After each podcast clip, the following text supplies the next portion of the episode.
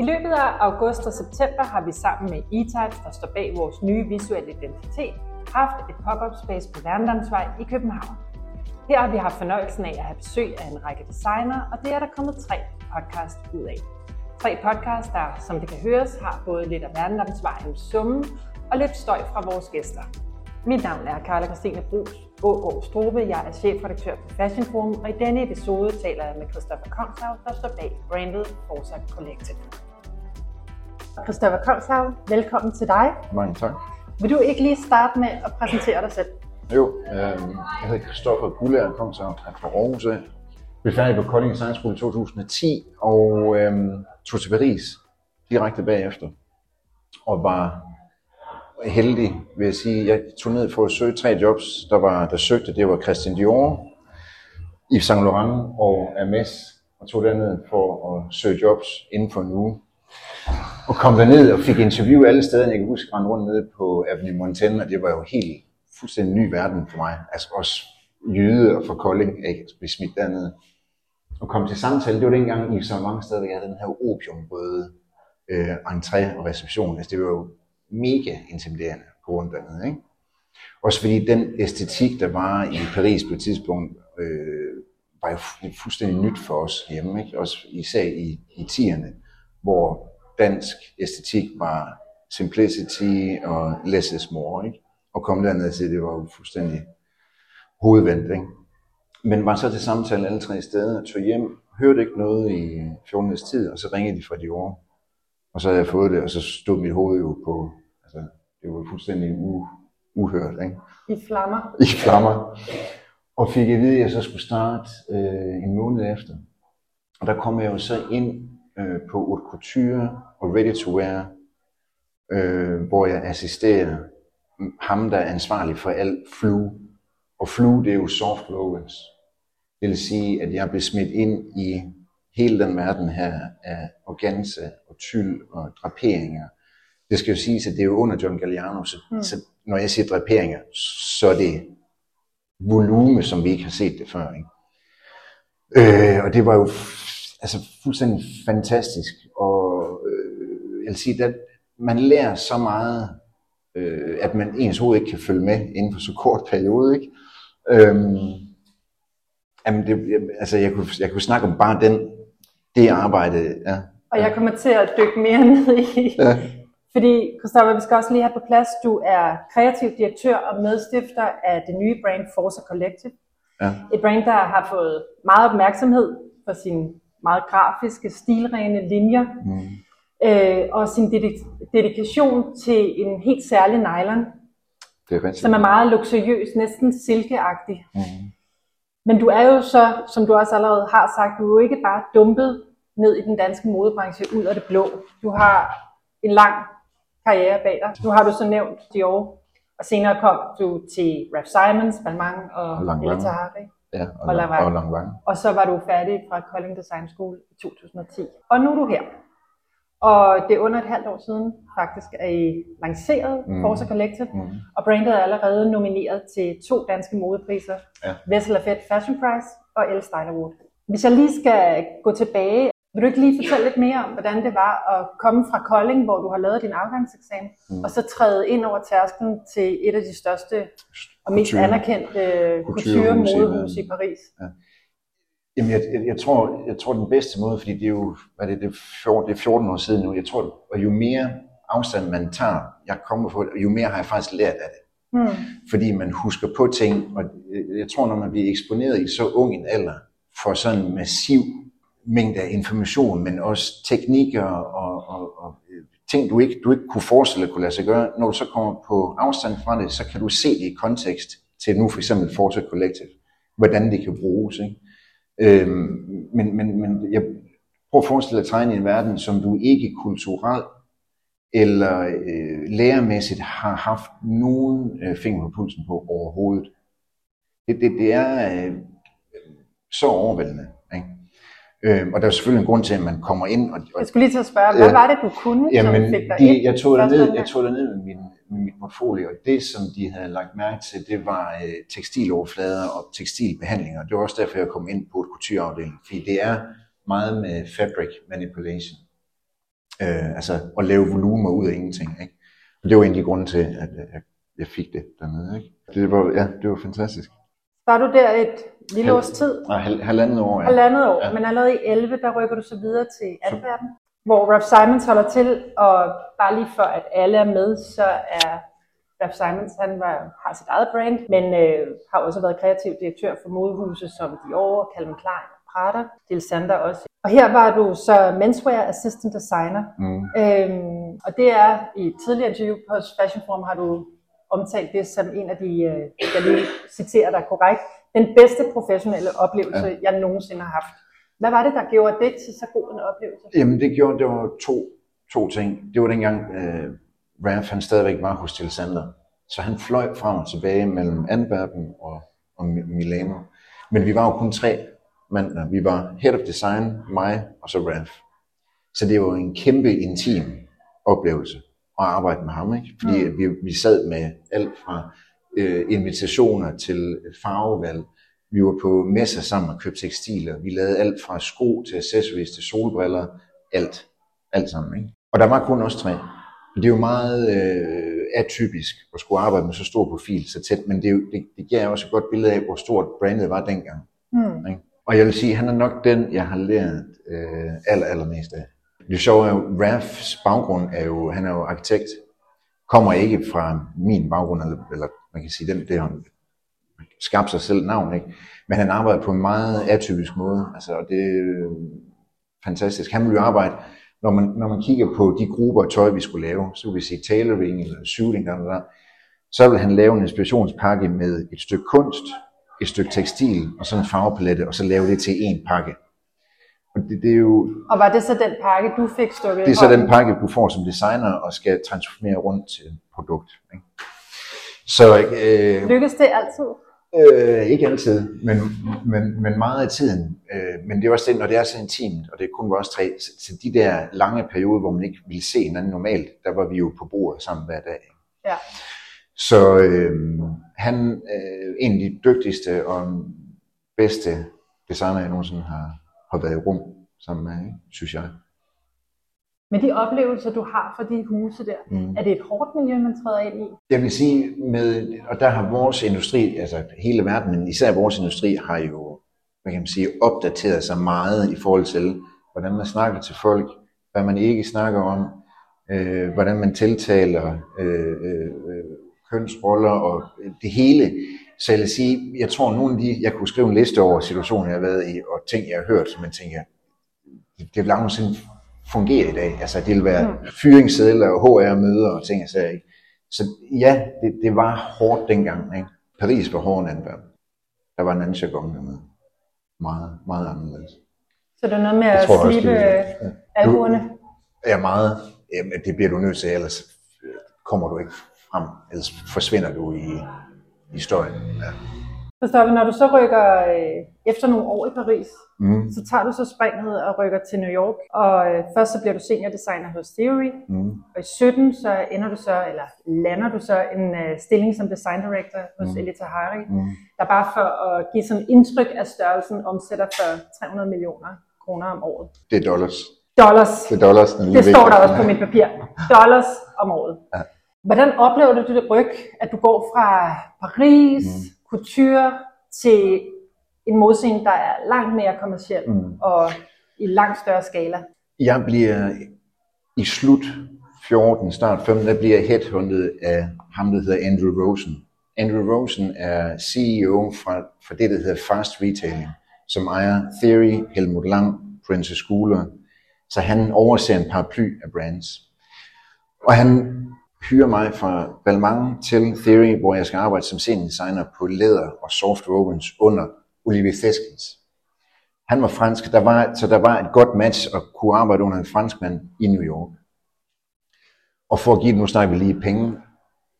Theory omsat på det tidspunkt, jeg var der for 1,2 milliarder dollars. Og grunden til, øh, at jeg havner hos Ellie efterfølgende, er fordi Ellie var med til at starte Theory op. Så da de ledte efter en designdirektør, der tog jeg det job senere hen. Ikke?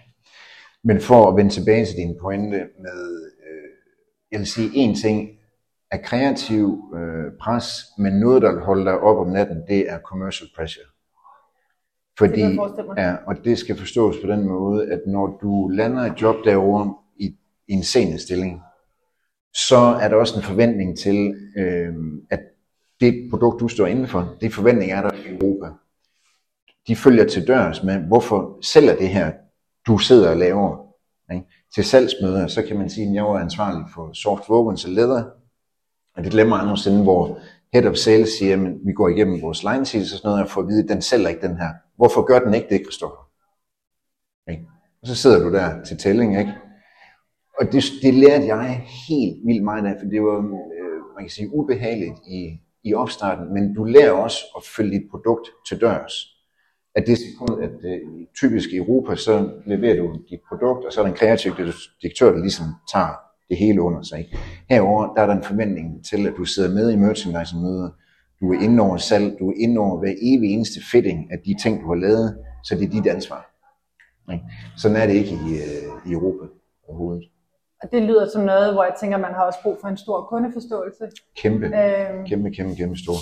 Og jeg vil sige, nu, sad, nu blev en seniorstilling, jeg kom ind i, og så en direktørstilling efterfølgende. Det vil også sige, jeg tog jo alle de møder med Bergdorf, Neiman Marcus, øh, Saks Fifth Avenue, hvor du sidder med head of sales for øh, kæmpe store department stores og skal høre deres feedback. Den her solgte ikke, fordi kunden synes, den er for lang. Ikke? Eller den har ikke et godt fedt over skulderen. Ikke? Så du, du er jo en, meget mere involveret i de simple ting, fordi det er et kommercielt univers, ikke, end du er i Europa. var det hæmmende, eller var det også udviklende? Det, jeg, for jeg synes, det, mere de, før, de første ud af otte år i New York, de første halvanden to år, der var det hemmeligt, fordi jeg, sad- jeg sad og tænkte, tænkte i hovedet, hvorfor fanden kan det være så vigtigt her, ikke? Især med, med de firmaer, jeg har arbejdet for, før jeg kom derover. Men når du så kommer ud af det, især kommer til København, du skal starte dit eget, den del af min karriere har været lige så lærerig i dag, mm. som den anden, ikke? Fordi der skal, man skal sælge noget produkt, ikke? Og det, øh, så kan jeg jo ikke lade være med at spørge, det lyder jo som en designkarriere, der bare jettede øh, og var i rivende udvikling. Hvad var incitamentet til at rykke til København og beslutte sig for at starte dit eget op? Der var to ting. Øhm, folk, der har været i New York, øh, de kunne måske godt fornemme, hvor hård en by det kan være at være i. Øhm, og det, jeg- har egentlig ikke noget imod, at tingene de er hårde, og der, der er tryk på, fordi det, det, det driver os. Det, det, er, det, det er meget lækkert. Men jeg tror, otte år med så meget pres på os, øh, karrierepres i forhold til New York, og det tror jeg for folk, der måske ikke har boet der, alle vil gerne til New York. Og det gør, at det sekund, du ikke performer, uanset, ikke fordi jeg ikke performede, men det sekund, du ikke leverer, så er du ude, ikke? Øhm, og det er jo det hele byen hvor- vågner op til hver dag. Og det skaber, øh, det skaber noget pres, jeg tror efter otte år, der, øh, og så er det jo også en luksus at vide, man er fra Danmark, ikke? Man kan tage hjem, Hmm. men, men det, er jo ikke, det er jo ikke for at komme hjem og skulle slappe af, eller ikke, ikke lave mode. Jeg havde, brug, jeg havde brug for et andet miljø. Virkelig. Øhm, Var det svært at sige det op? Ja. Øh, Og sådan ser jeg det ikke i dag, for i dag er jeg jo så glad for Forza og alt det, der sker. Men, men, men der, var, der var lige en uges tid, hvor man tænkte sådan, er det, sådan, er det lidt en forlitterklæring at sige, Hmm. nu skal jeg lige noget, der er mindre stressende. Ikke? Du Men det, nævnte, der var to ting, der gjorde, at du øh, Ja. gerne ville til København. Den ene var, at det var en hårdt miljø derovre. Ja, og så den anden ting, så tror jeg også, når man har været væk i 14 år, så kommer man, er helt banale ting, så kommer man til at savne øh, at se sine søskende vokse op. Ikke? Hmm. Så sådan nogle helt normale ting, øh, hvor man lige pludselig godt tænker på, jeg har faktisk mistet 15 år af jeres eksistering. Ikke? Øh, ens lillesøster bliver færdig på jura, og kommer ud og får et nyt job, og lillebror er arkitekt og sådan noget. Der, der føler jeg, at der er noget, man går glip af der. Lidt. Og så tænkte jeg, det var sgu et meget godt tidspunkt at komme hjem på. Så kom jeg hjem og øh, havde faktisk ikke nogen planer, udover en, en opsparing, der gjorde, at jeg kunne, skulle ikke i arbejde med det samme. Og så kom jeg i kontakt med Bio Christensen, Denise Christensen, øh, og tænkte egentlig, altså det var egentlig jo godt, jeg tror med, med mine stillinger og det job var det egentlig måske de største job, man kunne tage herhjemme. Designdirektør for Bio, hvor jeg overså Rotate og Remain. Ikke? Det var både produktion og development og design. Og var derinde i 9-10 måneder. Mm. Øhm, og i de 9-10 måneder, der fik jeg også lov til at se andre i København have deres egne ting. Og den oplevelse af at kunne starte noget her. Og så besluttede jeg mig for at, at gå i gang. Så det var positivt for dig, Ja, ja jeg forstår det, at se, hvordan fuldstændig, man kunne fuldstændig. talentudvikle her. Og, Og, ja, og jeg, jeg tror især Ja. det der med at få lov til at opleve det, den opbakning, der er omkring talent hjemme, øh, har været en stor, øh, hvad kan man sige, ja, har været en stor grund til. og det er faktisk mit, mit næste spørgsmål. Altså, tænker du, at vi har et særligt godt miljø for talentudvikling og Absolut. også entreprenørskab Absolut. herhjemme? Øh, og det er forstået på den måde, at hvis der er en, der har noget, selvfølgelig skal du have noget at byde på, ellers er der ikke altså, grund til opbakning, men hvis du kommer med noget, der er unikt, og folk kan se potentialet i det, så føler jeg, der er kæmpe opbakning herhjemme. Især for Copenhagen Fest. Ikke? Kæmpe, kæmpe opbakning. I forhold til at så starte brandet Mm. her, var der også noget andet, som København som by kunne tilføre Ja, til identiteten af ja nyt brand? øh, jamen der er jo, de sidste 3-4 år jeg var i New York, der kom København virkelig, virkelig på mappet. Altså i New York snakker vi om København, butikkerne snakker om København, brands i fra København blev der snakket om. Så det blev virkelig, det var jo sustainability og Copenhagen coolness. Ikke? Det var det, der ligesom florerede. Og så vil jeg så sige, altså øh, brands som Ganni havde stor impact også i New York. Altså det, det, det florerede hele tiden, ikke? Øhm, så jeg synes, at komme hjem, der er det, det er jo klart, at Forza har nogle, en æstetik og nogle kvaliteter, som er helt sikkert for udlandet, men der er, der er også noget københavner, øh, København over det. Ja. Mm. Der er noget laissez-faire over det. Jeg vil lige prøve at beskrive Forza. Ja. Forza Collective er konstruktion. Det er alt omkring konstruktionen og kort. Det er jo et meget stille mærke, men, men skaber meget larm, hvis du får lov til at sidde med produktet i hænderne. Jeg tror, min største reference, det var, jeg, jeg håber alle sammen har haft fornøjelsen af at være i Dover Street Market, dengang de åbnede, og stå med ting i hænderne. Mm. Og forælde sig i konstruktionen, og hvordan har de lavet det her, og den føles på den her måde. Ikke? Og det, det er faktisk det, jeg rigtig gerne vil. Det, det er jo alt det håndværk, jeg tager med fra Paris, alle de kulturteknikker, jeg har lært, og bringe det ind i en øh, nutidig garderobe, men stadigvæk med højsæde i, hvad kan man sige, couture pieces. Ikke? Så det er jo en brobygningskollektion mellem ready to wear, og så måske high-end, high-end pieces. Ikke? Giver det nogen mening? Det giver super god Ja. mening. Og så har du valgt at dedikere dig, i hvert fald til en start her, Til en start, ja. fuldkommen til en helt bestemt nylon, Ja. der øh, jeg skal beskrive den. Den den føles her. jo lidt som, som Ja. silke, men den er mere sådan, øh, den står mere, den er jo Ja, den- tykkere, Den, ikke? det, det, det, er faktisk det er lidt silke, men kunne også godt ses som en satin. og som bliver produceret i det nordlige Italien, så det er Præcis. absolut ikke øh, Det er ikke, hvilken øh, som helst nej. øh, nylon. Hvorfor, hvorfor lige Ja. det materiale? Jamen det kommer af, for det første, fordi at det har været interessant for mig at bringe nylon ind i evening wear. Nylon er jo ikke noget, man forbinder med couture og cocktailkjoler og ting og sager, så bringe det derind, hvilket giver et helt nyt, for mig Mm. øh, øh, friskt og ungt udtryk også. Det giver et touch af coolness at se en, en floor-length gown, hvor man måske på billedet tænker, okay, men lad når du kommer ind, og du kan høre den her lyd på det. Ikke? Og så er det også fordi, at der er noget scalability i det, at fremadrettet vil jeg gerne have, at vores nylon bliver kørt som et perpetual program i baggrunden, så du vil blive ved med at kunne gå ind og købe vores nylon blazer, vores nylon day dresses, så det kører ikke? som, hvad kan man sige, et, noget, der bliver restocked hver sæson, måske fire gange om året, ikke? i forskellige farver. Men hele ideen var at have det til at køre i baggrunden, og så lave selvfølgelig sæsonkollektioner. Ikke? Og så er der også noget bæredygtigt i det. Det bliver jo lavet i Lombardo, samme fabrik, som producerer al øh, Pradas nylon.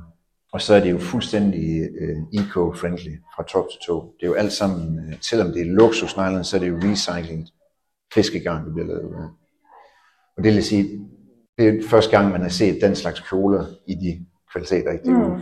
det er jo to universer, der ikke normalt passer sammen. Så det er jo også sådan en, øh, det er jo en meget, øh, det er meget konceptuelt, kan man sige, at ligesom vælge at, at dedikere sig til et materiale lige i starten. Mm. Har det altid været din drøm at starte det her? Det har Har det ligget nok. der? Det var det ikke i starten. I, starten var det en drøm at komme ud og skulle prøve kræfter med alt det store og lære og lære og lære. Det har været meget vigtigt for mig at skulle lære, fordi jeg tror, øh, hvis du har spurgt mig for fire år siden eller syv år siden, så skulle jeg ikke have haft noget. Det ikke fordi, jeg ikke havde lyst til det, men jeg synes ikke, jeg vidste nok. Mm. Jeg tror virkelig, der, øh, jeg kan kun snakke på min egen vej, men der ligger noget værdi i at sætte sig i selen og forstå hver niveau af forretning og kundesamtaler og Paris og få, det, få hele den pakke med. Det har jeg også været heldig at kunne det. Men, men, øh, men ultimativt, ja, det har det i dag. Men jeg føler mig langt mere øh, rustet til det, end, end jeg ville ikke have gjort for otte år siden. Eller, Så det er ligesom summen af hele din karriere, du kondenserer ind i det her? Ja, og jeg tror også, min karriere ligesom har sagt, nu kan du det her. Ikke? Nu har du fået det der med, du har fået det der med, så nu passer det faktisk. Der er ikke nogen huller, hvor jeg står og slår hovedet i en mur og ikke ved, hvad jeg skal gøre. Vel? Men der er noget andet, vi faktisk slet ikke har berørt endnu, og Mm. det er, hvad du kommer af. Var du et kreativt barn, tegnende barn, måske fodboldinteresseret? Jeg mener, fortsat det er der også øh, Jeg tror, det eneste, jeg lidt kan sige, fodboldagtigt ja, ej, der er ikke noget, der er, der er nu ikke noget. Fortsat betyder jo, styrke, kraft. ja, både, både mentalt, men også, også fysisk, Mm. ikke? Og det er jo latin, øh, så det skal forstå på den måde. Øh, kreativ barn, nej, jeg har gået i Rudolf Steiner skole og spillet cello. det er faktisk, øh, og så kan man sige, Steiner, det er jo kre- kreativt miljø. Men det var ikke noget, øh, det var ikke noget, der sad fast efter Steiner, at det var det, jeg skulle. overhovedet. Jeg kan huske, at jeg søgte ind på designskolen og arkitektskolen på samme tid. Kom ind begge steder. Og så tænkte jeg, øh, jeg ved, jeg, jeg, jeg tror faktisk, jeg tænkte, jeg skal prøve det, der er sværest. Og så tog vi mod. Det, det, det, der er faktisk ikke nogen store øh, romantisk fortælling om, at jeg har siddet draperet ude i min mors køkken med, med en karklod. Det var der ikke noget af overhovedet. Øhm, Men til Ja. gengæld fik du øh, et par pinde at lege med som Ja, dukke, præcis. ikke? Ja, Eller, jo, jo, jo, lige eller præcis. noget. Ja. dukke uden hoved, ikke? Øhm, jeg springer lidt i det lige nu. Mhm. Øhm, for jeg er faktisk slet ikke færdig med at snakke med, om det der materiale her. Nej, nej, nej, det må du gøre.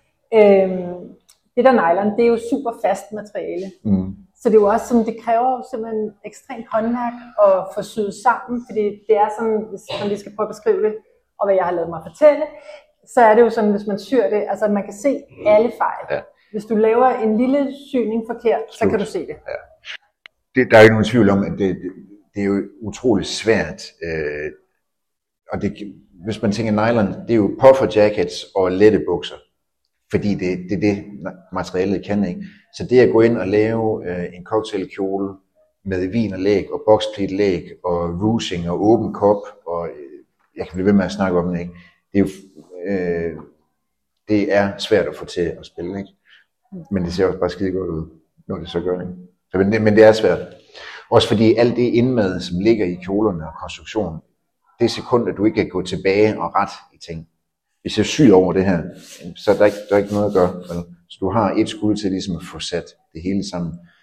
En af de kjoler, som vi lige har haft vores første øh, cover på kostume, den kjole, der er derpå, den har jo fire lag tyld, så er den fliseret.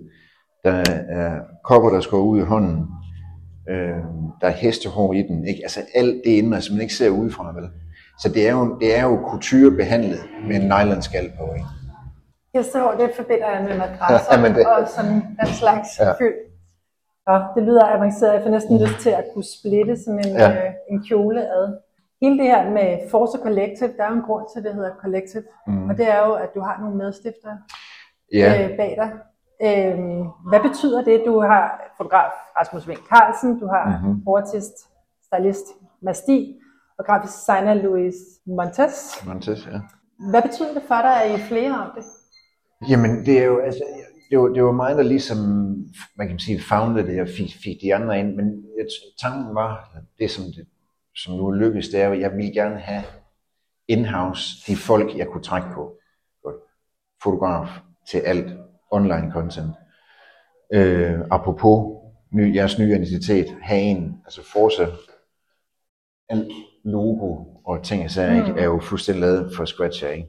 Og så Mads, som arbejder med mig på styling og casting og image-delen af brandet. Ikke? Så det er jo, det drejer sig om at kunne, at kunne trække på de kræfter, der nu er omkring en. Ikke? Hmm.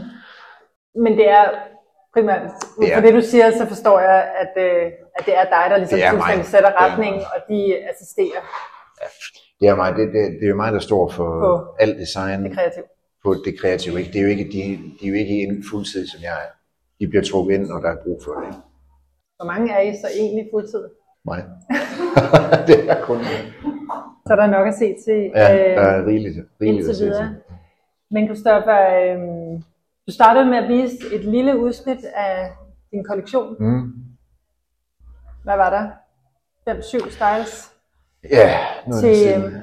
Til pressen, både ja. til forskellige events her før Ja. sommer, og så også under Copenhagen Fashion Week. Og nu er du, som jeg startede med at sige, nomineret til El Style Award mm. her med et par uger. Mm. Og øh, ikke mindst Vessel og Fedt, Mm. hvor du er finalist. Øh, sammen med Helge og Mi og Sax Potts. Mm. To brands, der har været i gang lidt længere tid end Ja. du. Og du er newcomeren, ja. hvor I dyster om 300.000 kroner. Mm. Hvad betyder den her nominering for dig? Jamen det betyder jo, det betyder mange ting, men det betyder jo også, det betyder for det første, altså credit til, at det allerede nu efter en kollektion har et vist niveau, ikke?